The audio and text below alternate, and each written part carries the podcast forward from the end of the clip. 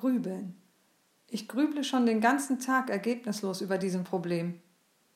Ich grüble schon eine Weile über der Frage, ob ich in eine andere Stadt ziehen soll. Wenn man ins Grübeln kommt, drehen sich die Gedanken im Kreis. Er grübelte tagelang darüber, warum sie das getan hatte. Da komme ich aber ins Grübeln. Über etwas grübeln, jemanden ins Grübeln bringen, ins Grübeln kommen.